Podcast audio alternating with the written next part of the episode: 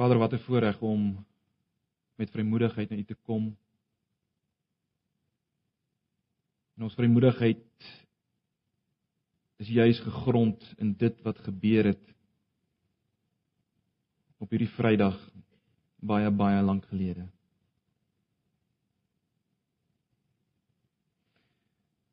En ons begeerte is maar net Here dat U ver oggend in ons midde sal wees, dat U ons ouma net weer sal oopmaak vir vir U grootheid, U heerlikheid, U wonderlike plan van verlossing.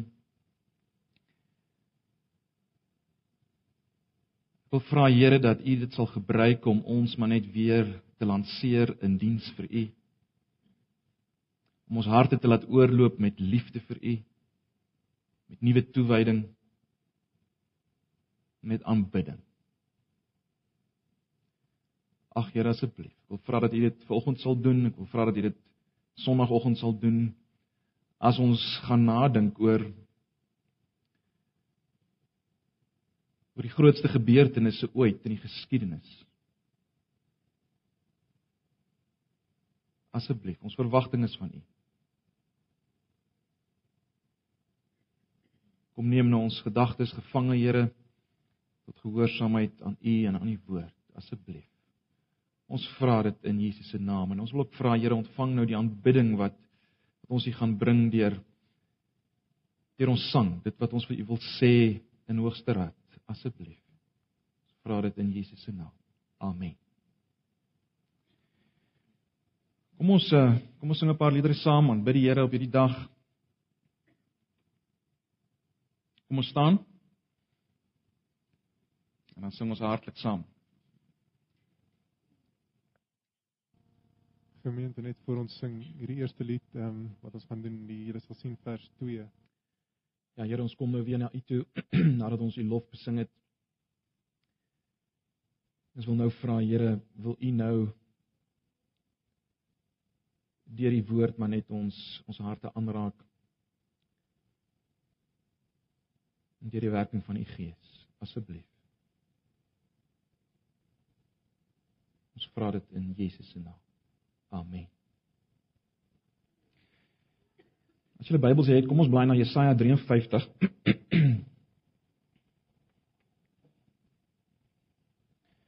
Jesaja 53. Ekskuus tog. Ek gaan lees vanaf uh, vers 13 van hoofstuk 52 en dan gaan ons gaan ons deur Geweldig as mens daaraan dink dat basies 700 jaar voor voor die kruisiging geskryf is. En uh, tog is dit so duidelik soos daglig waaroor dit hier gaan. Kom ons lees dit. Kom ons lees dit saam. Vanaf vers 13. Kyk, ekskuus, ek gaan die 53 vertaling lees en ek sal net nou 'n opmerking maak uh, oor vertaling oor die spesifieke vers waarna ek wil kyk. Uh, maar ek gaan die 53 vertaling lees.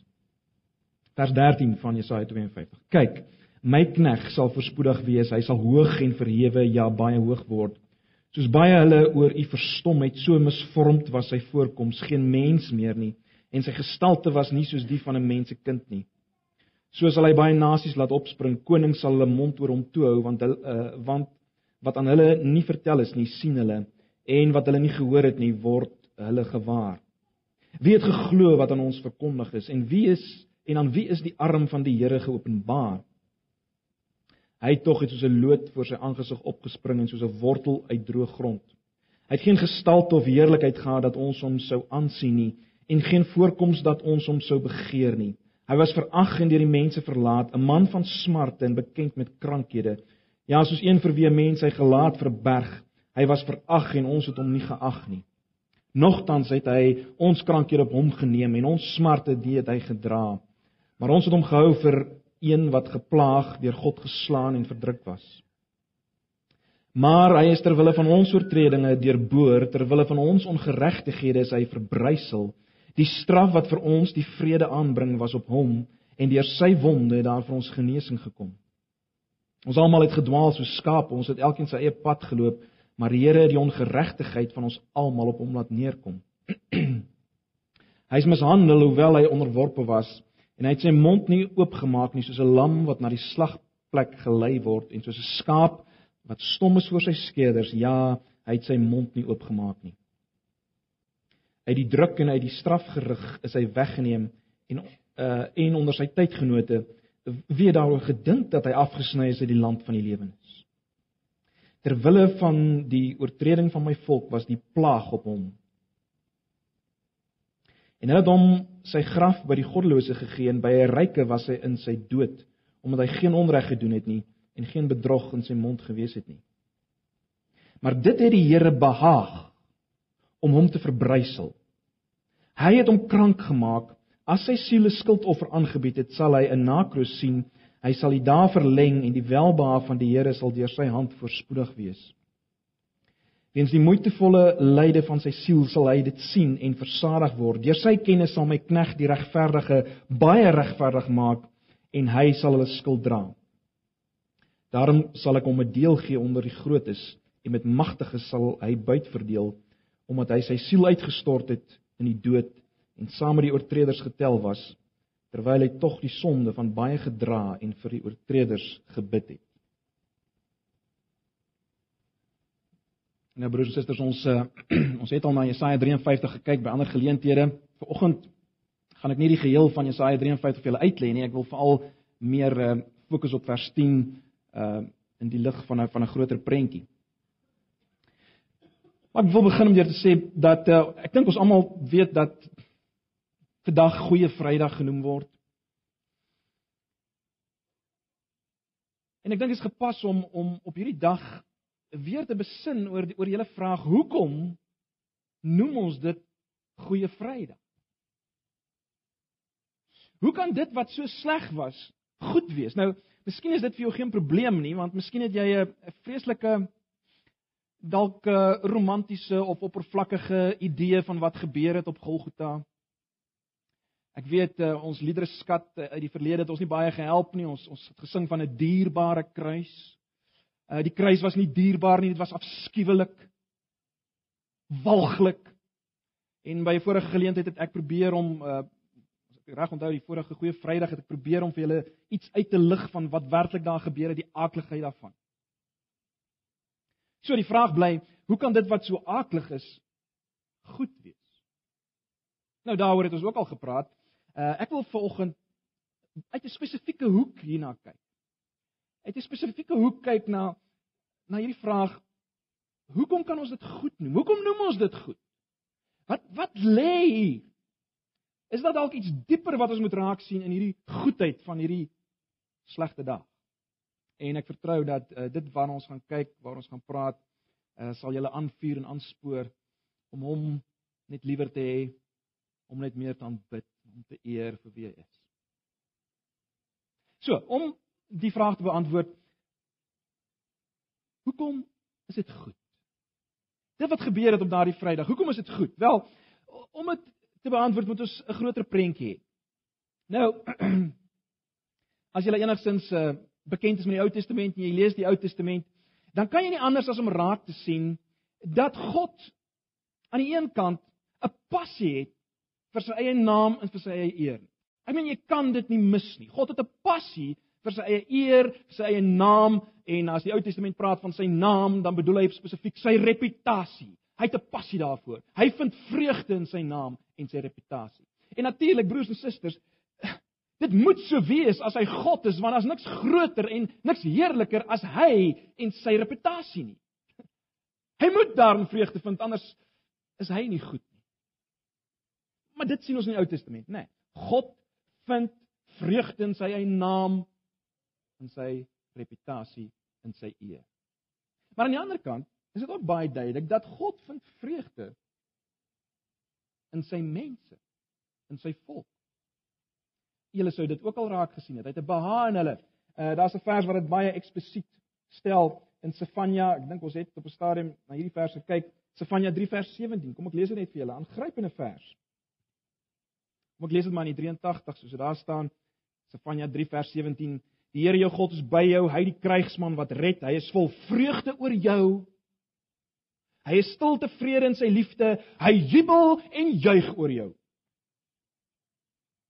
of soos die 53 sê, hy uh, hy jubel oor jou of hy juig oor jou met gejubel. Ek meen, dit dit kan nie meer nie. En dit word gesê van van Israel. Nou, Broers en susters, uh dis bietjie kommerwekkend, is dit nie? Dis bietjie problematies. Stem julle saam? Hierdie gejubel oor oor sy volk, want want hierdie mense waaroor hy jubel is sondaars. Hierdie mense oor wie hy jubel is juis mense wat sy naam vertrap het. Sy eer skade aangedoen het.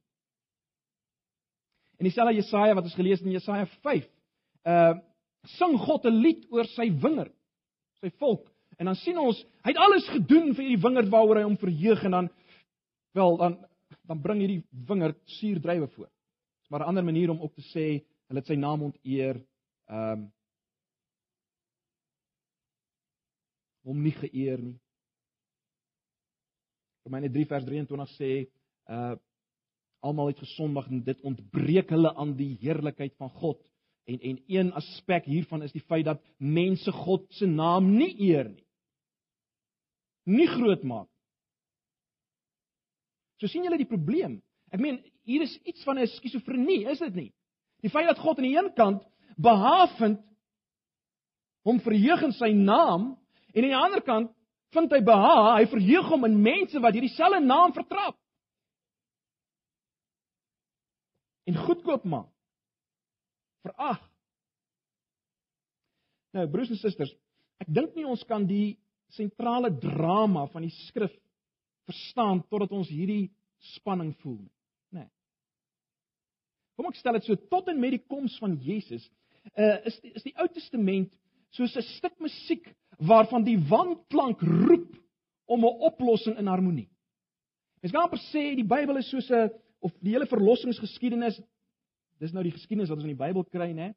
Uh die verlossingsgeskiedenis is soos 'n simfonie met twee groot temas, né?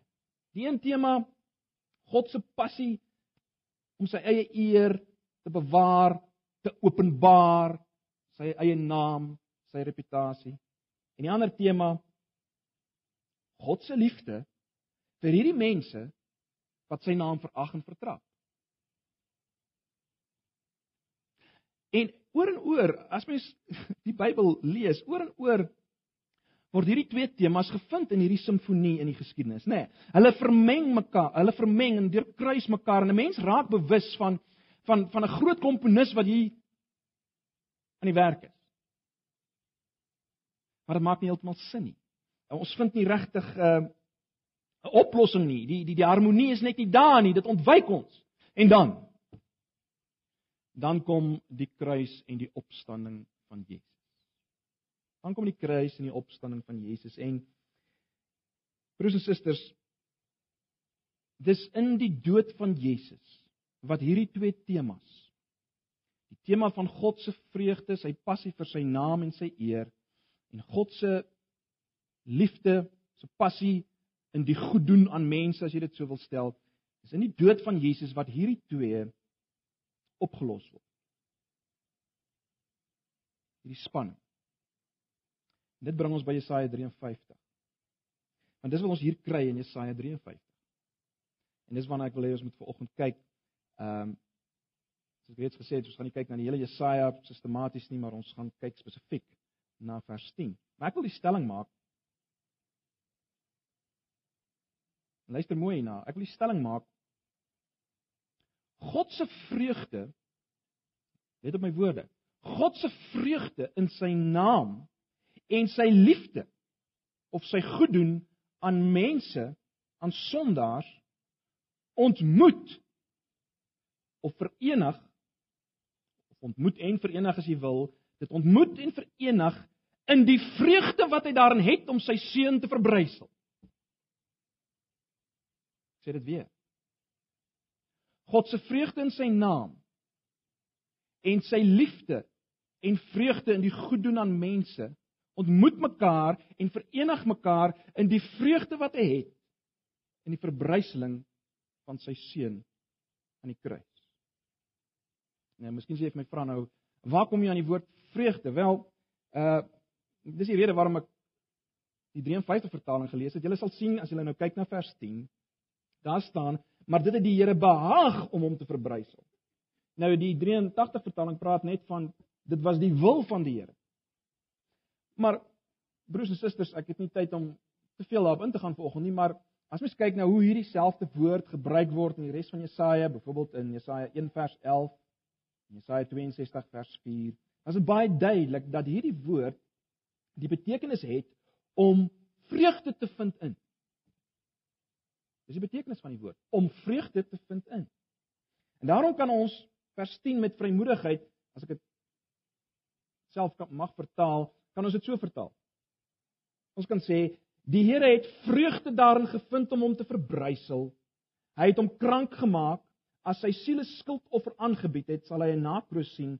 Hy sal die dae verleng en dan gaan ek weer die woord vreugde gebruik en die vreugde van die Here sal deur sy hand voorspoedig wees. Ek sê weer ek dink ons gaan met vrymoedigheid dit so vertaal.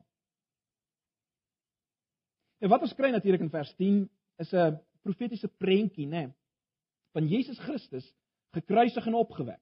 Onthou nou dis 700 jaar voor dit gebeur het. En daarom is alles nie kristalhelder nie, maar dit is baie duidelik dat hier 'n prentjie is van Jesus gekruisig en opgewek uit die dood. Soos ek sê, baie baie lank voor dit gebeur het, 700 jaar. Ons lees in vers 10, sal julle sien van verbryseling. Verbryseling. Nou dis die kruisiging en die dood van Jesus en hoe meer mense verstaan wat werklik gebeur het op Golgotha aan die kruis fisies in Jesus, uh hy's verbrysel. Hy's verbrysel. Toe hy hierdie offer gebring het, julle sal sien as ook sprake van 'n skuldoffer. Hy is as offer gebring. Geheel en al is hy geoffer. Dis waarvan die verbryseling praat. Julle sal sien na sprake van dae wat verleng word, verlenging van dae. Nou dis ver, verwysend na die opstanding uh en die ewige lewe na die dood. Onthou in profetiese taal. En as daar staan hy sal 'n nakroos sien, sien julle, dis dis ook daar in vers 10, hy sal 'n nakroos sien, dis soos die 53 het vertaal. Wel, dit beteken dat dat baie mense deur sy lyding, deur wat hy gedoen het, gered sal word van die dood. So dis wat ons daar kry. Maar vanoggend broers en susters, wil, wil ek nie hier op fokus so seer nie. Ek wil fokus uh op die feit dat dit alles die werk van God is en dat hy vreugde daarin vind. Dis waarop ek wil fokus. Dis die werk van God. Dis die vreugde van God.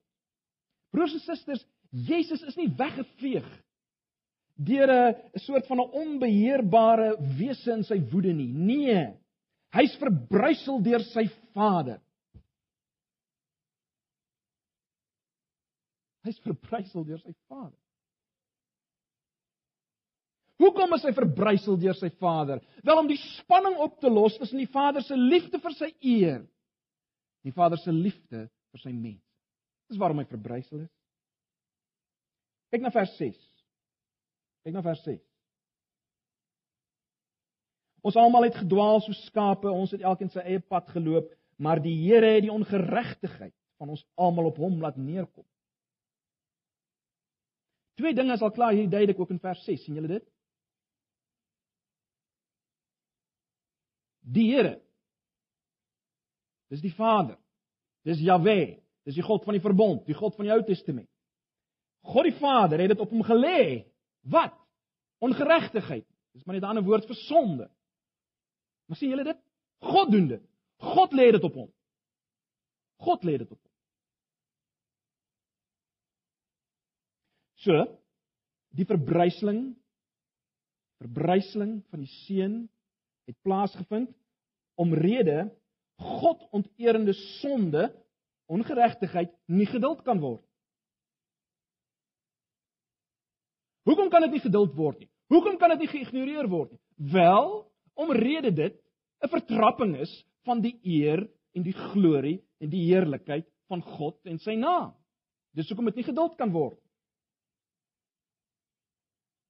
God kan nie maak asof dit nie saak maak. Want ons nou net vir mekaar gesê hy het 'n passie vir sy eer en vir sy naam en hy moet dit hê. Hy kan dit nie ignoreer as as dit vertrap word en verwerp word. En daarom daarom in die verbryseling van die seun plaasvind. In ander woorde God die Vader maak 'n ooreenkoms met die Seun dat hy aan die hele wêreld die onbeperkte waarde van sy naam gaan toon, gaan wys. Hoe gaan hy dit wys? Hoe gaan hy aan die wêreld die onbeperkte waarde van sy eer wys? Wel, deur die lyding en die straf wat ons sonde verdien op die seun geplaas sou word. Dat hy dit op hom sou neem. Kyk na vers 5. Vers 5 maak hierdie plaasvervanging baie eksplisiet. Baie eksplisiet. Maar hy is ter wille van ons oortredinge deurboor, ter wille van ons ongeregtighede is hy verbrysel. Die straf wat vir ons die vrede aanbring was op hom en deur sy wonde daar vir ons genesing gekom.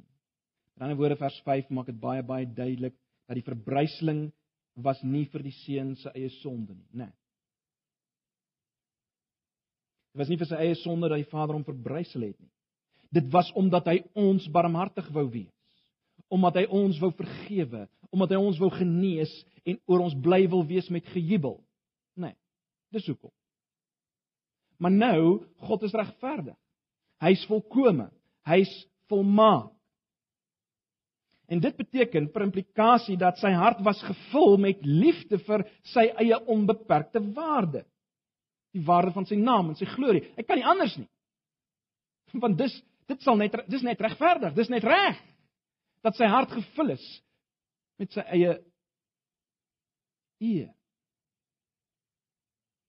Maar ons was sondaars, wat beteken dat ons harte gevul was met God onteerende God verwerpende gedagtes, begeertes. En nou baie belangrik, broers en susters,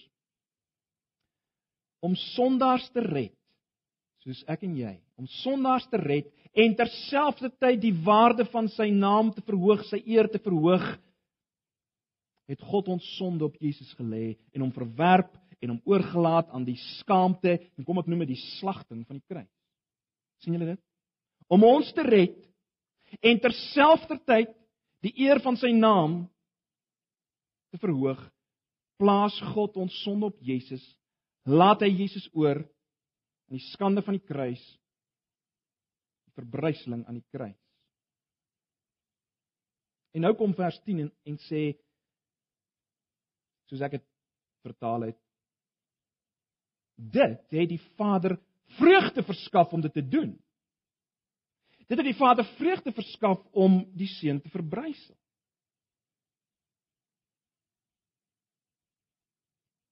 Weerens broers en susters, ons moet dit nie ligtelik opneem die verbryseling nie. As dit gelees uh eerste verse of die laaste verse van Jesaja 52, uh jy kon hom nie eers uitken nie. So verbrysel was hy reeds gewees voor hy gekruisig is deur die geseling. Hy was 'n bloederige massa. Met alles wat gebeur het ook nog aan die kruis. En nou kom Jesaja 53 vers 10 en sê dit die Vader vreugde verskaf. Hoe moet ons dit verstaan? Hoe moet ons dit verstaan? Hoe kan dit wees? Hoe kan dit wees? Wel, een deel van die antwoord moet wees dit wat ons kry aan die einde van vers 10. As daar gepraat word van 'n nakroos. sien julle dit? Maar meer meer meer meer die helfte dalk van vers 10. In ander woorde, daar sou geestelike kinders kom as gevolg van hierdie lyding. So uh, mense sou dan kon sê dat die die die vreugde van die Vader was nie so seer in die lyding van die seun op sigself nie, maar in die groot sukses wat daar sou voortkom uit dit wat gebeur het op Golgotha. Vers 11, dieselfde. Kyk net weer na vers 11, weens die moeitevolle lyde van sy siel sal hy dit sien en versadig word deur sy kennis sal my knegt die regverdige baie regverdig maak en hy sal hulle skuld dra. Daar is dit weer. Met ander woorde, uh dit wat sou gebeur as gevolg van uh die lyding, die sterwe van Jesus. So definitief 'n deel van die antwoord waarom die Vader vreugde vind in die verbryseling van die seun is dit, die effek wat hierdie verbryseling uiteindelik sal hê, dit wat uh, uiteindelik sou gebeur as gevolg daarvan. Maar Luister baie mooi. Die ander deel van die antwoord is dit. Die diepte van die seun se lyding was 'n aanduiding van die mate van liefde wat hy vir die Vader se eer gehad het. Die diepte van die seun se lyding was 'n aanduiding van die mate wat hy die Vader se eer liefgehad het. Broers en susters, ek het al baie vir julle gesê as ons dink aan die diepte van Jesus se lyding, moet ons nie net vaskyk teen die fisiese nie. Ons moet vaskyk juis op teen die feit dat dat hy op daardie oomblikke van die Vader verlaat is en en die toorn van God oor sonde beleef het in al die felheid daarvan. Dis die diepte van sy lyding. Onthou nou. Onthou nou die Vader se getrouheid, sy regverdige getrouheid aan sy eie naam maak die straf of die vergelding van sonde nodig. Onthou dit. Vader se regverdige getrouheid aan sy naam maak die vergelding of die straf vir sonde moontlik. So nou, baie belangrik, as die seun nou gewilliglik uit vrye wil hierdie lyding op hom neem en hy sê dit baie duidelik in Johannes 10, niemand dwing my om dit te doen nie. Ek doen dit uit my eie uit. As die seun gewilliglik hierdie lyding op hom neem, dan word elke voetval na Golgotha 'n ego met die boodskap God se eer, God se reputasie is van ontsaglike waarde. God se eer, God se reputasie is van ontsaglike waarde. God se eer is van ontsaglike waarde. En as dit donker word op Golgotha en die, en die aarde begin bewe en die rotse skeur, dan roep die hele skepping uit: God se eer is van ontsaglike waarde. So broers en susters, as die Vader die Seun verlaat en hom oorgee aan die vloek van die kruis en hy verlig 'n uh, uh, uh, uh, um, lig nie 'n vinger om om om dit te verlig nie. Dan het hy nie opgehou om hom lief te hê. Nee. Op daardie oomblik toe die seun alles op hom neem wat die Vader in my en jou haat. Na die oomblikke toe God hom tot die dood toe verlaat, ja selfs toe, selfs toe het die Vader geweet dat die mate van die seun se lyding gedui het op die diepte van sy liefde vir die Vader se eer en reputasie. Verstaan julle? Selfs in daardie oomblik. Die Vader geweet die mate van die lyding, die diepte van sy lyding wys hoe lief hy die Vader het, die eer van die Vader, die reputasie van die Vader. En nou broers en susters, dit is in daardie liefde wat die Vader hom verheug het met 'n diep vreugde. Dis in daardie liefde wat homself verheug.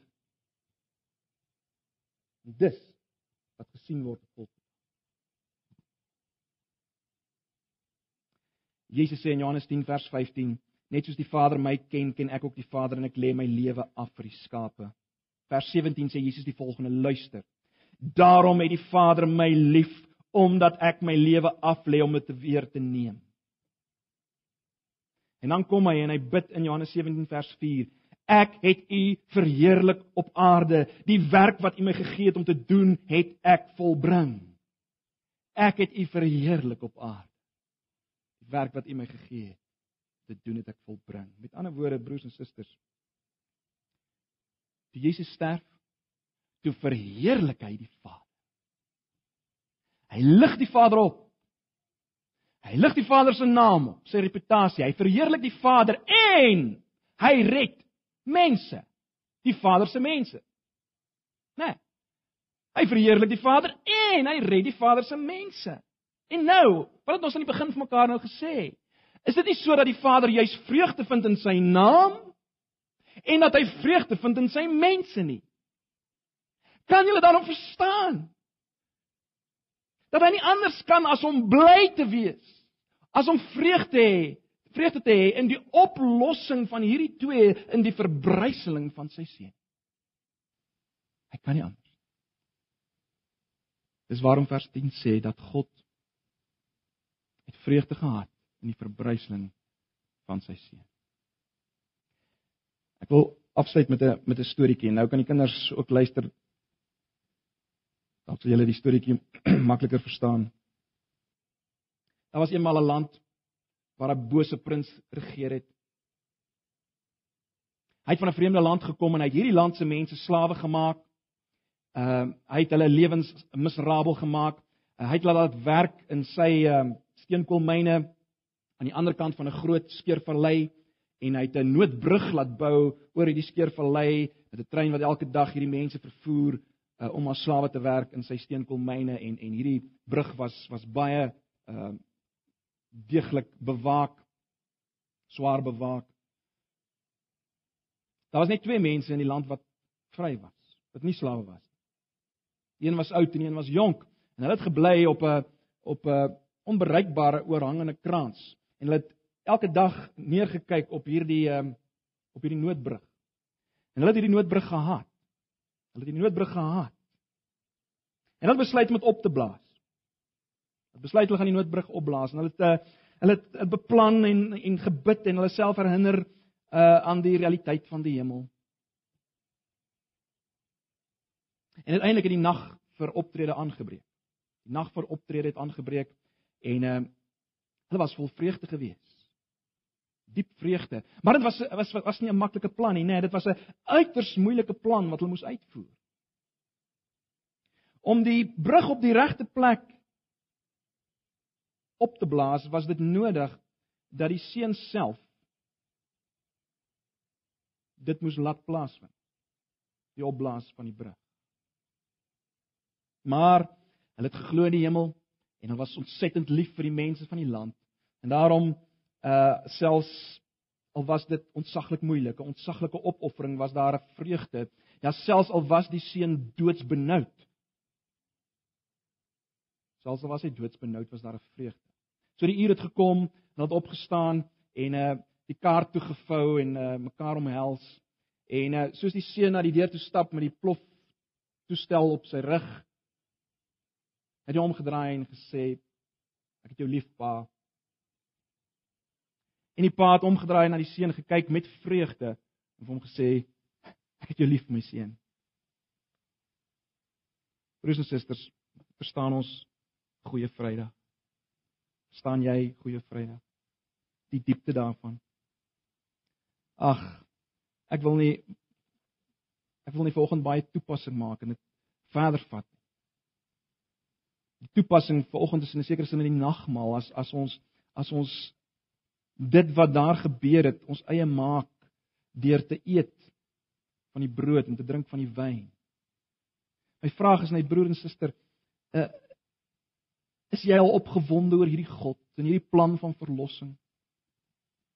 Verstaan jy die goedheid van Vrydag? Motiveer dit jou om vir hom te leef en om te aanbid. Saam met dit wat ons Sondag gaan sien, die opstanding. Dis my vraag. So kom ons bid nou saam en dan gebruik ons die nagmaal. Uh en ons eer die Here daardeur. Kom ons bid net saam. Here baie baie dankie vir u woord. Dankie vir die ontsaglikheid van Jesaja 53 vers 10. Dankie vir die ongelooflike plan van verlossing. Dankie Vader dat dit U behaag het om U seun te verbrysel. Dankie vir U ontsaglike liefde vir ons in dit alles. Dankie dat U nie U naam en U eer prys gegee het in ons redding nie, maar dat U dit juis bevestig het. Dat U dit juis hoog gehou het en ons gered het en ons dankie daarvoor. Eer U daarvoor. Nag Here, as ons nou hierdie nagmaal gaan gebruik, maak ons nog meer intens bewus van dit wat U vir ons gedoen het. Asseblief. Ons vra dit in Jesus se naam. Amen.